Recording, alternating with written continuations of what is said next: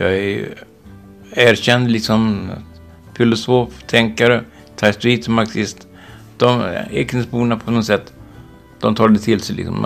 Han är lite udda men han är ganska okej liksom. Man, man får vara så i Finland. Det får man inte vara i Sverige. Ulf Modin, född och uppvuxen i Stockholm, har väldigt lite gott att säga om sitt gamla hemland Sverige. Som marxist har han känt sig ensam, udda, inte accepterad av andra svenskar. Istället har han bott i Finland och i DDR så länge landet fanns. Han var där när Berlinmuren föll. Ulf har också varit väldigt sjuk. Varje gång jag har lärt mig finska så har jag blivit sjuk. Alltså det, Finland, det finska språket har som kraft. Att man snurrar till när man läser det. Precis som man läser grammatik också. Det är inte politiskt korrekt. Jag gillar att driva med borgarna. Och det här skenheliga packet de ska ha liksom. Så att jag talar om sinnessjukdomar. Ulf är bipolär, manodepressiv, men har mått bra i många år. Finskan har utlöst sjukdomen, säger han haft på skämt.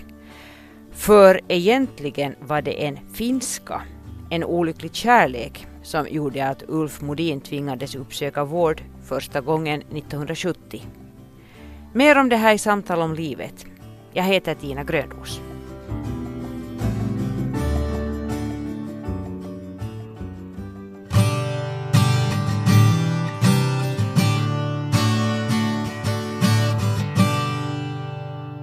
Jag heter Ulf Modin. Jag är född den 10 januari 1944 i ett arbetarhem i Stockholm, på Stora Essingen i Stockholm. Berätta om din barndom. Ja, min barndom var materiellt trygg och känslomässigt otrygg. Min far var måleriarbetare, min mamma var kallskänka. Kallskänkan har inte så bra lön, de lärde sig ta vara på mat. Och min far tjänade bra med pengar och måleriarbetare. De hade, vi hade båt i Mälaren och Stockholms skärgård som vi åkte omkring med. Och vi hade två rum och kök när de andra arbetarungarna hade ett rum och kök. Och jag, jag, jag, min mamma läste sagor för mig när jag var liten. Och jag, fort jag kunde läsa så gick jag på bibliotek och lånade sagoböcker. På den vägen blev det liksom. De har berättat för mig efteråt att jag var, jag var lite udda i kvarteret. Liksom. Jag fick inte vara med på allt som de andra arbetarungarna gjorde. Som vad då? Ja, de hade sådana lekar som jag inte jag skulle vara med. Jag var inte med så jag vet inte vad de gjorde. Mm -hmm. Var det hyss du gjorde eller var det helt sedvanliga äh, lekar som man leker var, som barn? Det var sedvanliga lekar man leker som barn. Men varför lät inte dina föräldrar dig vara med och leka med hjärnan? Nej, jag, då, då, då, jag fick mycket, de visste inte om det. Då, då, de andra ungarna som inte stod med mig. Aha, så du var ganska mobbad? Ja, nej, mobbad var jag väl inte. Det är ju modeord liksom. För att de retas med någon så kallar man mobbad liksom. Mm. Det har gått inflation i ordet. Mm. Värstingarna har tagit över liksom. Och då, då, när värstingar tar över, då förvrids alla proportioner. Mm. Men du sa att känslomässigt så var din barndom inte så bra. Vad, vad menar du med det? Ja, det beror på att det, det var ett hatkärleksförhållande mellan mina föräldrar. Mellan din mor och far? Precis ja, precis ja. Och eh, det gjorde att det blev otryggt hemma. Man visste, inte, man visste aldrig vilket humör ens far var. Så man var rädd, man var rädd, känslomässigt rädd på sin barndom liksom. Och ända till min far flyttade hemifrån när jag var 14-15 år. Mm -hmm. Blev din mamma så att säga ensamförsörjare efter ja, det? Ja, hon, ja, ja, hon, hon betalade bidrag till mig när jag var 16 år. Men inte, inte sen. Det var väl ganska ovanligt att eh, föräldrar separerade ändå på den tiden? Ja, det, det, det, det, det, det, det började spridas då till arbetarklassen liksom. Mm. Det var ju någon gång på 50-talet det här. Ja, det här var, ja, det här var 40-50-tal liksom. Men jag, jag kom in i skolan, jag klarade mig ganska bra i skolan när jag kom in i mellanskolan när jag var 12 år. Jag kom i gymnasium när jag var 16 år. Jag kom in i Norr Latin som ligger vid Norra Bantorget i stil med Svenska Norsen i Helsingfors. De, mm. de var förresten systerskolor. Okej, okay. du hade bra läshuvud då? Ja, jag hade läshuvud. Men, mm. inte, men jag hade inte huvud för matematik och fysik.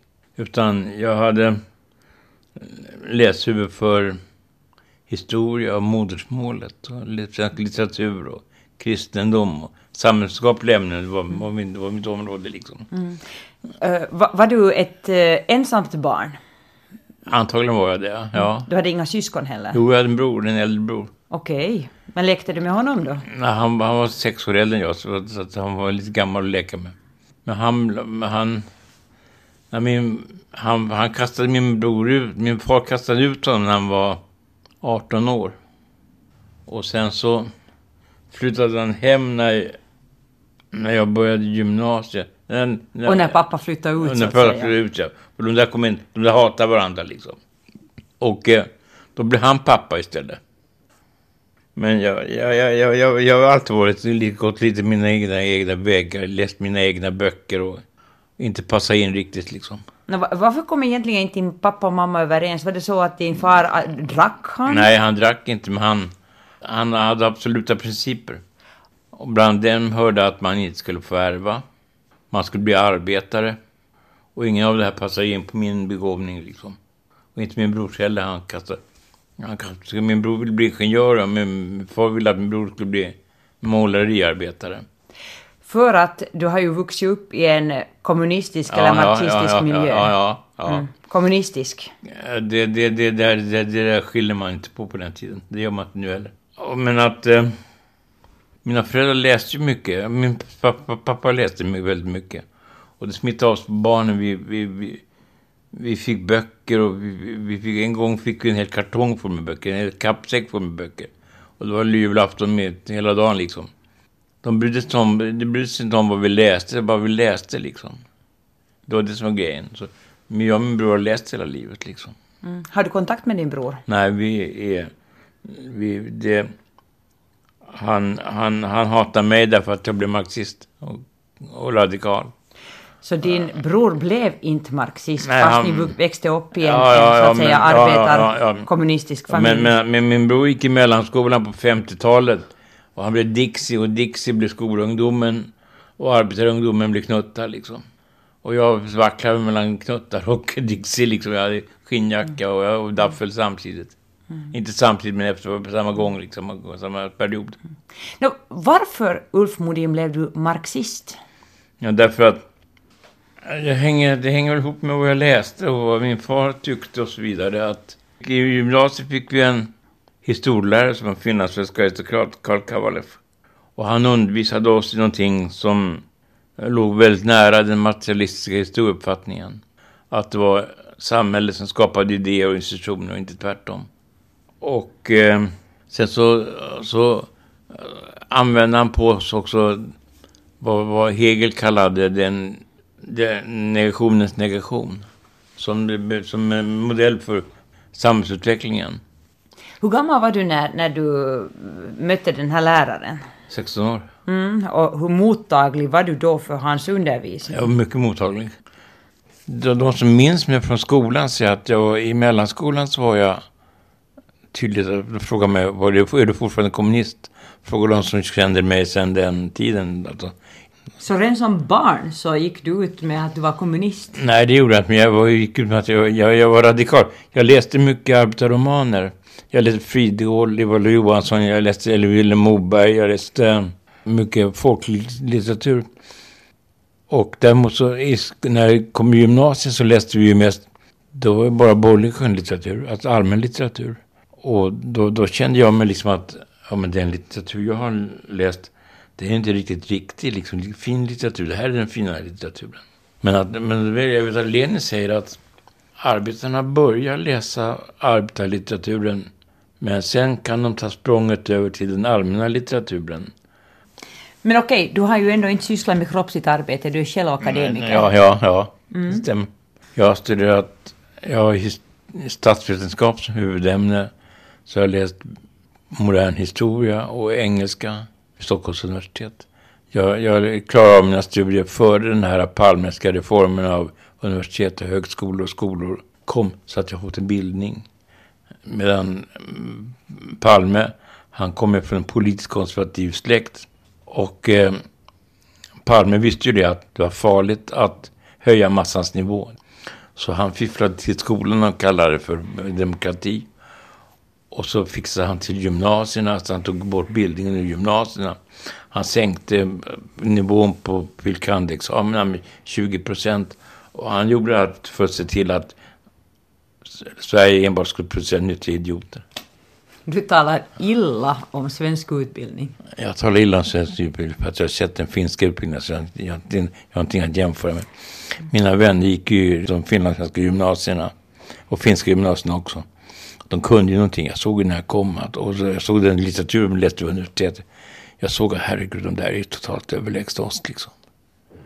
Och det har jag sagt också, men det är först nu tror jag som folk har börjat begripa i Finland att svenskarna är pucko. Eh, för att speciellt finlandssvenskar måste ju hävda sin självkänsla med att säga att ja, vi, har ju, vi stöder oss på rikssvenskarna som är mycket fiffigare än vi. Men det är tvärtom, det är finnarna som är fiffigare.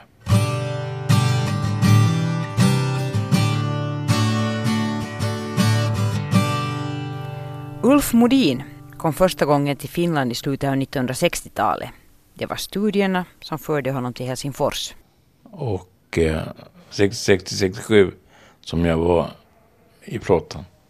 Och 67 på hösten så återupptog jag mina studier. Och så skulle man skriva grado. Och då kom jag att tänka, vad fan ska jag skriva grad om? Och så slog det mig, hej, lapprörelsen. Jag skrev om lapprörelsen. För jag hade läst Wenner böcker om lapprörelsen. Sen så började jag fundera på det där och så ringde jag upp en, en, en professor som heter Christer Wahlberg, tror jag han hette. Och han sa att skriva om finlandssvenskan lapprörelsen. Så då läste jag först reda på, lite först reda på material om lapprörelsen på Kungliga biblioteket i Stockholm. Ganska mycket broschyrer och sådär. Så fanns det mycket. Sen så åkte jag till Helsingfors hösten 67 någon gång i oktober. Och var två månader i Finland. Och, och gick i arkiven och letade efter material om lapprörelsen och hittade ganska mycket. Var det din första kontakt med Finland? Ja, det var min första kontakt med Finland. Men då hade jag ju liksom börjat med Runeberg och Ortopedius och Väinö Linna och Paavo Rintala. Och det liksom hade jag hela klart för mig. Var det då du förälskade dig i Finland? Ja, du blev jag nog redan hösten 67 liksom. Mm. Men, men så blev det blossade upp på allvar då när jag var här. Den här, för att jag tänkte att jag kan lika gärna sitta här och läsa på en tent som i Sverige och läsa på en tent. Om du jämför Helsingfors med Stockholm där 67 till 69, ja. hur skilde sig de här två städerna? Alltså, som natt och dag. Det var ju häftiga år i Finland. Det var ju då, då, då studenterna ja, stod på barrikaderna. Precis, ja. Precis, ja. Det började. Det passade ju dig. Det, det passade mig. För jag, jag hade varit med på kårockupationen i Sverige 1968 i maj. Och eh, när jag, när jag, jag kom igen, jag kom mitt in i det där gänget. Det hade bildats en grupp som hette Yliopilat studenter. Och jag såg en namnlista på några 20-tal. Det var de som grejade Vanna Valtausa. Och det var de jag hamnade i när jag kom till Finland. Så jag hamnade mitt i smeten. Där jag, så förälskade jag mig i en finska. Och tyvärr så blev det en olycklig grej. Och det var det som utlöste min sinnessjukdom. Vi kommer nu in alltså på att eh du har lidit av en psykisk sjukdom. Ja, ja. Mandepressivitet. När hände det här? Ja, det utlöstes 1970 på hösten, oktober. Då hamnade jag först på, på Hesperia och sen på äh, Lappviken och där jag var fram och tillbaka. Till 1973, januari, då, i juni, då hade jag varit där i ett halvår. Och så blev utskriven därifrån så sa en sköterska som heter Gunilla Ljungqvist. Hon sa åt mig att du måste ha en terapeut, sa hon. Ja, så kan väl du bli min terapeut då. Och så blev hon min terapeut. Och hon förklarade för mig att en sjuk människa har två, två jag. Ett sjukt jag och ett friskt jag. Och där får en ständig kamp med varandra. Och sen när jag fick det där klart för mig så började jag bli bättre i mina nerver. Och redan fyra år senare så var jag mycket bättre. Och nu var jag, sen var jag på sjukhus 1980 i Sverige, tror jag var, var jag väl. Så var jag någon gång lite på 1990. Så var jag 2006 på, på Hesperia. Men att det, det, var mycket snabbt, liksom. ett par, tre veckor liksom bara. Lugnade ner mig. Sen har, sen har jag klarat mig själv och jag klarar mig bra. Jag, jag finner ingen anledning till att tro att jag blir sjuk just nu. Mm, äter du mediciner? Ja. 1970, det var då under den tiden du bodde i Finland också. Du bodde ja, en kort period äh, strax efter att fem, du... Fem år bodde jag i Finland. Ja, fem år, ganska lång tid. Ja. Det var, då var du ju ung, du hade just blivit klar med dina studier. Ja. Du var kär i en, en kvinna då? Ja, och det blev slut och det blev katastrof. Oj, nej. Men det vill jag inte gå in närmare på. Det, det, det har följt med hela livet liksom. Den där, den där olyckliga historien. Är det enda gången du har varit riktigt ordentligt kär? Ja och nej.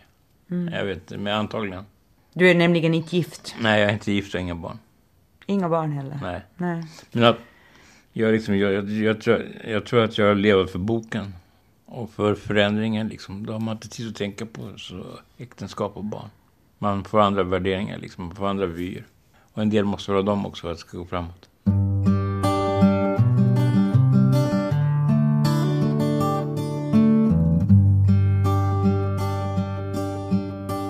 Du talar om sinnessjukdom. Det är, Ja, sånt, ja. Det, det, det är ett Det- uttryck som vi Ja, det, det är inte ogärna använder. Det är inte politiskt korrekt. Jag gillar att driva med borgarna. Och det här skenheliga packet de ska ha liksom. Så att jag talar om sinnessjukdomar. Jag har lärt mig finska ordentligt därför att varje gång jag har lärt mig finska så har jag blivit sjuk. Alltså det, Finlands, det finska språket har som kraft. Att man snurrar till när man läser det. Precis som man läser grammatik också. Och eh, du kanske vet vem Börje Mattsson är? Han sa en gång till en be- gemensam bekant i Sverige att man kan bli tokig av att läsa finska. Så. Och det har gått att funka på. Och, och det, det Han sa det förstås på skämt. Nej, helvete han gjorde. Han menade... Var helt på allvar när han Ja, ja, oh ja, han var helt på allvar. Och, Så du eh, menar att du har blivit tokig av att du har läst finska också? Ja, det, det, det har frestat på liksom. Men, det- men, och sen så har man då fått sluta med finskan för att bli normal nervnamn. Så man var frisk, och så man börjar på nytt och så man blivit sjuk liksom. Och tre gånger har, har jag blivit där. Och sista gången var, alltså jag tar, på 90-talet så talade jag ganska bra. Jag är inte bra men jag kunde göra mig förstådd på finska, jag kunde läsa böcker på finska. Jag kunde läsa artiklar på finska. Det gick långsamt men jag, men jag, men jag läste det. Men nu, nu kan jag inte läsa, nu orkar jag inte läsa böcker, jag orkar läsa artiklar. Jag läser e-post på finska som jag får in på min dator. Och jag får ganska mycket in finska från, från Kamalsällskapet och de skickar ju mycket på finska. Och, där, då, det läser jag, liksom skickar vidare. Jag vet vad jag sysslar med. Hur har det varit när du har mått som sämst? Då när du har varit som sjukast? Då är, då är man bottenlöst sjuk liksom. Man är bottenlöst förtvivlad. Man tycker att allt går till helvete, man vill gärna dö. Jag, hade, jag, jag fick vänner under den tiden som jag hade de där problemen. När de var så djävulsk. Så fick, jag, så fick jag vänner i Helsingfors som hjälpte mig. Och dem har fortfarande kvar. En tre, fyra stycken, fem, sex personer. Och nu är det de primärt som jag umgås med i, idag. Fast de bor i Helsingfors och vi har telefon, telefonkontakt. Och de är här ibland liksom.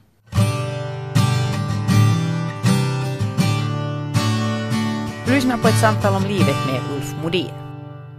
Du har bott i DDR. Ja, Mm, när var det? det var 1985 till 1990. Varför reste du till DDR? Jag behövde jobb. Och de sökte? Nej, eller? och de sökte. Jag umgick i sådana kretsar där man visste att det fanns jobb i DDR som översättare. När jag inte hade jobb. Då uppmanade mig, sök det, för vi vet, jag var chefredaktör för en tidning. Och man visste inte om man skulle kunna hålla upp tidningen. Så därför sa man, sök det här jobbet liksom i DDR. Och vart i DDR får du? Det är resten. Resten? Sax, saxen. Och där jobbar du då? Jag jobbade som översättare för förlaget en bild. De gav ut en tidning som hette, en tidskrift som hette DDR-revyn som fanns i Finland också. Och eh, vi översatte den där tidningen. Och så, men man kom ju på att det var en propagandatidning. Man kom ju på att verkligheten stämde allt mindre med vad som stod i tidningen liksom. Och, men att det var intressant att leva där. Och det var mycket som var bra där. Men det, det där kommer alltid tillbaka. Men att det var, det var, det var mycket som var bra. Framförallt var arbetskraften. Arbetskraften var inte en vara. Alla hade rätt till arbete och utbildning och skolor och fritid och pension. Så att för normala människor så var det ett bra samhälle.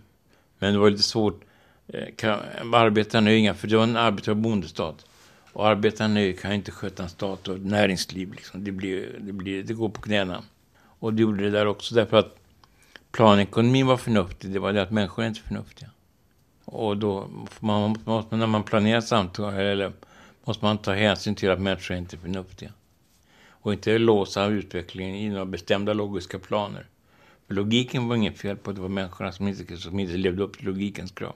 Men du trivdes i DDR? Ja, det gjorde jag nog. Ja. Men att jag började ju skriva i svenska tidningar, finska tidningar. Och jag förstår, att, jag förstår nu att jag hade kommit på kant med systemet förr eller senare. Så de läste ju allt vad jag skrev liksom. Vem läste allt? Det där läste jag allt vad jag så jag skrev Aha, och du, nå, du tyckte inte om det du skrev? Det, det blev ju allt, det blev allt mindre så liksom. Men jag började skriva på allvar först när systemet började bracka liksom.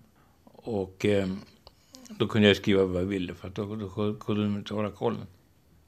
Under dina år i DDR, så vad gjorde du där, förutom att du då jobbade, översatte, Jag gick, skrev, jag gick på krogen. krig på krogen? Eh, jag hade ett dåligt omgäng därför att tyskarna ville inte att jag skulle, att tyskarna skulle umgås med mig. Därför att jag var ett avvikande och det visste de om liksom. Och, då, och när jag var så bra översättare så därför så lät de mig vara kvar liksom. Men så köpte jag mycket böcker, kan se mitt bibliotek här. Jag har Ja, du har ju ett otroligt stort bibliotek här. Ja, det är mycket, mycket böcker från DDR. Och eh, jag köpte mycket böcker. Jag levde ett ganska enahanda liv. Jag var ganska ensam. Men att jag trivdes, men att jag vet inte hur länge jag hade trivts liksom. Därför att det, det hände ju saker i, i väst. Och vi visste ju DDR också att, att Gorbatjov gör ingen omväg kring DDR när, när utvecklingen går framåt. Så han kommer hit också. Och Gorbatjov hade kommit till makten i Ryssland ungefär samtidigt som jag åkte till DDR. Så det fanns ju hopp liksom om en förändring. Och förändring skedde. Ja, Ö, Den sista tiden du bodde i DDR så föll Berlinmuren till ja det, exempel. började, det började med att ungdomen satt i sk- kyrkorna och diskuterade därför att i, i, i kyrkorna fick de diskutera. Det fick de inte när de, i FDJ därför att de kontrollerade partiet, vad man diskuterade. Men att då satt de sig i kyrkorna och diskuterade. Och de ungdomarna, de ville inte avskaffa DDR. Och intelligentian ville inte avskaffa DDR. Och det var ungdomen och intelligentian som gjorde den här revolutionen Föddes första skede. Sen när, när, när makten var destabiliserad och det inte var något farligt att, att demonstrera, då kom arbetarna i rörelse och de ville ha mera bananer liksom. De ville ha, de, de, de var plumpa, de, var, de hade förlorat sin uppåtgående roll, de var på väg ut i historien och då får de helt andra värderingar än när de är på väg upp. Och de, de som krossade det också det fina i DDR liksom. Så de trodde att i Västtyskland är det mera bananer än i Östtyskland och därför vill vi ha som i Östtyskland, i Västtyskland. Så när muren föll i november 1989, Ja, så hur kände du det då? ja en märklig känsla. Jag har, jag har, jag har skrivit, i min bok om DDR så har jag skrivit, har citerat brev som jag skrev en halvtimme efter. Och där skrev jag ut vad jag tänkte om DDR. Det kommer jag inte ihåg i detalj nu så att jag... Men ungefär så där, berätta. Nej, Vad jag- kände du? Ja, det var ju en märklig känsla liksom. Det var ju, jag förstår stora Mm. Blandade saker, känslor? Var du glad? Var du ledsen? Jag tyckte nog att det var märkligt. Det var, Märkligt? Ja. En verklig händelse liksom. Det var ungdomen som klev över muren den där natten. Och de hade ju DDR-faner med sig. Och de var fästa på Kofotendam till morgon. Sen gick de tillbaka över muren. Och var, på morgonen så var de flesta, stora majoriteten, var kvar, var, var på sina på arbetsplatser, på universitet och i skolor liksom. Det var arbetarna, speciellt i Sachsen, som var emot socialismen. För de, ville, de tänkte att nu blir det mer bananer när vi får... Mer bananer betyder mera pengar helt enkelt. Ja, det betyder att man får glufsa i sig vad man, vill- vad Mm. man vill. Idag är, finns det ju ingen väst eller öst Jo, när det det gäller det. Tyskland. Nej, det gör det inte. Och jag har inte varit där sedan 1994, så jag vet inte vad som händer där nu. Men att jag vet om att det, det, Tyskland har ju idag en värvad armé och inte en värnpliktsarmé. Och den består i oproportionerlig grad av människor från Sachsen. Som var de som var för bananerna 1989. Det är de som går i armén nu liksom. Sen så vet jag, men det går rätt bra på Tyskland också. Jag vet vad som händer där, så att jag kan inte uttala mig närmare om det. Men du flyttade därifrån 1990. Ja, Varför det? därför att eh, jag såg ju att nu kommer kapitalismen och nu kommer kol och nu kommer kolgården. Och jag tänkte att här kan jag inte bo, så jag flyttade tillbaka till Sverige. Och jag var i Sverige i 15 år. Och jag hade existensångest därför att jag var för tung att försörja mig på min penna.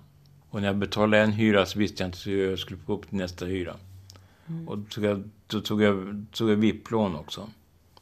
Men så fick jag stipendium 2002. Så det var tunga år det här mellan Ja, ja, ja, ja. 1990 ända fram till Ja, det var- 2000-talets Ja, början. det var det. Men jag skrev väldigt mycket och jag skrev, var väldigt produktiv. Jag skrev mycket bra saker. Jag skrev tre böcker och jag skrev en massa artiklar i Vasabladet Nu Tid framförallt. Så du skrev eh, främst artiklar till finlandssvenska Ja, ja, tidningar? ja, ja. du bodde i Sverige men Ja, skrev för men- svensk Finland? Men jag räknas ju till den finlandssvenska intelligensen. Jag räknas i Helsingfors. Så visste man att, att jag var en av dem liksom. Och det har, det har varit sedan 1970. Så att jag är, jag är mentalt så jag, är jag finlandssvensk och inte rikssvensk. Trots att du har bott eh, mest i Sverige? Ja, jag, vill- ja, efter 1990 har jag väl bott 15 år i Sverige och 10 år i DDR. eh, 10 år i Helsingfors. Och eh, jag bodde fem år i Helsingfors på 70-talet. 69 till 74. Så 15 år i Helsingfors och nu bor du i Ekenäs. Ja, så att, så att nu har du bott ganska många år i Finland i det här laget. Och, och jag, jag är ganska förfinskad om man säger så. Mm. Du har fått finländskt medborgarskap. Ja, ja. Grattis! Tack så mycket. När har det här hänt? Det hände för tre veckor sedan ungefär. Okej. Mm. Men har du kvar ditt svenska medborgarskap? Ja, ja, Så du är dubbelmedborgare? ja. Mm. Men jag ska söka finsk pass nu. Men det har tagit lång tid innan du blev finländsk medborgare. Ja. Har du väntat så här länge medvetet eller? Nej, man, man, man byter inte pass, man byter skjorta liksom. Är du säker på att du vill stanna kvar i Finland nu? Ja, det är jag. För att i, i Sverige anses jag bara som konstig, men i Finland så har jag en position. Vad sa du att du är här i Finland? I Finland har en position, men i Sverige anses jag bara vara konstig. Okej, du har position här. Ja. Du anses inte udda här då? Jo, udda men accepterad. Är vi finländare mer accepterade Ja, än svenskarna? ja, mycket, mycket mer. Det är så skillnad. Okej, jag hade trott tvärtom. Nej, så är det inte. Utan svenskar är mycket intoler- intolerant folk. De, de, man kan vara gul och blå och röd och grön liksom, det spelar ingen roll. Men man, om man är svensk och avviker från det svenska, då, då blir man ut, ut, utesluten. Och du har hela ditt liv känt dig lite sådär udda? Har du Ja, sagt? ja, ja, ja, Ja. Mm. ja. Jag är nu också, men accepterad. Det är rätt skönt. Jag trivs Mm. jättebra i Ekenäs. Vad sysslar du med här i Ekenäs? Jag läser. I vintras har jag skrivit en artikel om socialismens ekonomiska och sociala struktur. Och det, det, det gick åt en våldsam massa energi till att skriva den. Och sen så, när den var klar så kom det liksom en sån här... Då lossnade det liksom och då, då kom det ut en massa äh, känslor. Så att jag har varit i ett hypomaniskt skov mellan februari och, och i april. Liksom. Det, det är ett behagligt eh, stadium. Man får mycket gjort, man tänker mycket och sådär. Ja. Men kroppen mår knappast så hemskt bra av det. Ja, ja, det går lite för fort. Hjärnan går på högvarv. Ja, det går lite för fort. Ja. Mm. Men man är, inte, man är inte sjuk på något sätt. Men man, det går väl lite fort liksom allting. Mm. Sover du överhuvudtaget då? Ja, ja, det gör jag. Det gör, Mm. jag. det gör jag.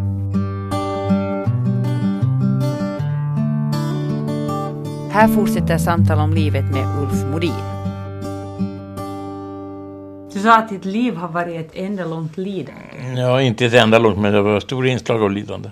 Vad är det som ligger bakom? Är det din eh, psykiska sjukdom? Jag är, tror- det din, eh, är det för att du en grej... har, har råkat födas i, i, ska vi säga, fel tid? Ja, fel hem. Därför att, därför att eh, om man är intellektuell från arbetarklassen och gör karriär eller man får skaffa nödvändig examen så, blir man inte accepterad av de borgerliga.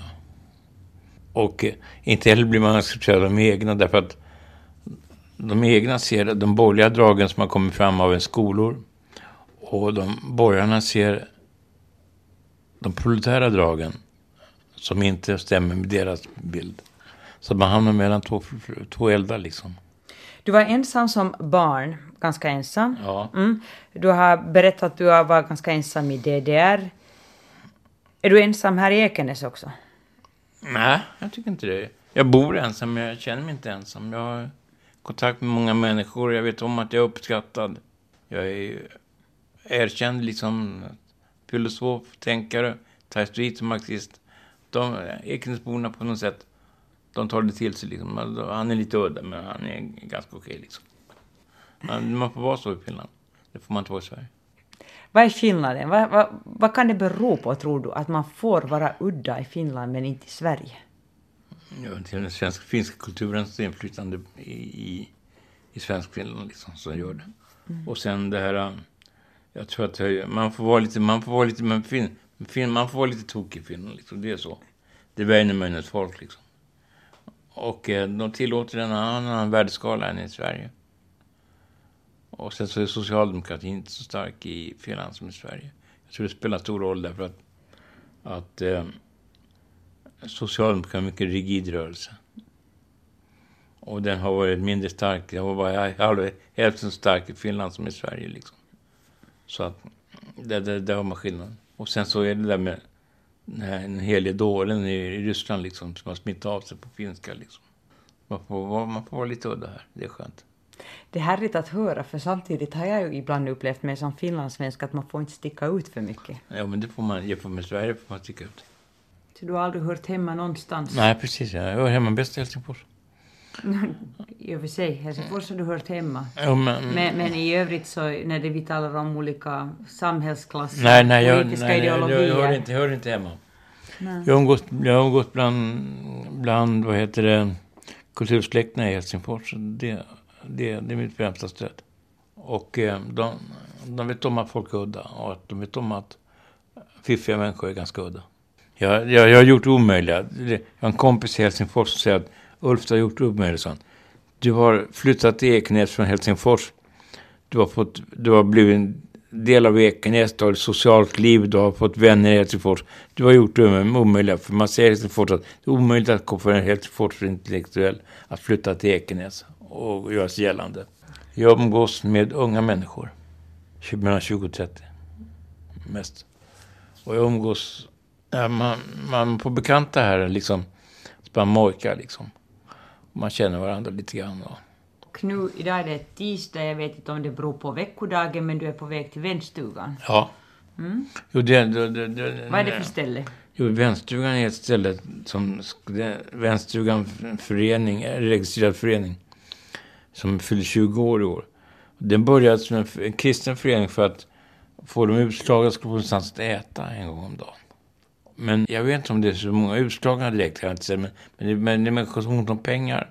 Och sen så är det människor som, som har mycket väl råd att äta själva. Men det finns en social och kulturell miljö där. Det, det, man, man, träffar, man träffar människor likasinnade. Därför att är man på, går man på vänsterstugan så man på något sätt lite udda. Liksom. För att normala Ekenäsbor går inte på vänsterstugan. Du säger det? Ja, men, men, men de här är ganska normala, men de är ändå inte normala. Och de går på vänsterstugan. Och, men man sitter och pratar skit. Man accepterar. Jag kallas för filosofen. och eh, ja, ja, du får se när jag kommer dit då. Det är jättetrevligt. Vi ska gå dit. Ja, det är bra. Det är bra. Ska vi gå nu? Ja, det gör vi.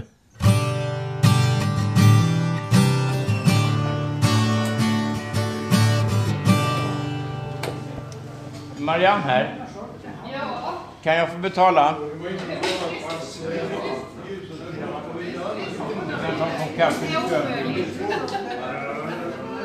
Här går jag två gånger i veckan på vänsterstugan. Och jag har en stor del av mitt sociala umgänge med jämnåriga har jag här. Mm. Så efter att du har ätit så brukar du bli här kvar och umgås? Jag, jag sitter kring det bordet där, mm. fyrkantiga bordet där. Du sitter där och förbättrar världen? Ja, ungefär. Men pratar i stort allmänt en norrman som är kock här. Han, jag träffade, vi satt på samma parkbänk utanför mittemot det där italienska glassståndet. Torget där uppe. Och då berättade han med vänster och sa kom ner sa han. Så det var på det sättet du fick nys om Ja, ja, ja. Så jag kom hit, det var början av juli förra året. Eller var för midsommar, kommer ihåg. Och så tänkte jag men här, man, man, man kan smälta in i miljön direkt, förstår du. Så det är så vänlig miljö här. Jag går inte här primärt för att det är billigt, utan därför att jag träffar folk här. Intelligenta människor. Alltså slipper du göra mat själv? Ja, men det är inte det, är inte, det, är inte, det, är inte det väsentliga. Vad brukar ni prata om sen då? Vi pratar inte politik och inte religion. Inte politik, inte religion. Nej. Det låter bra. Mm. Mm. Men det blir, det blir åt det filosofiska hållet ibland och det andra hållet ibland. det, jag tycker det är jättetrevligt.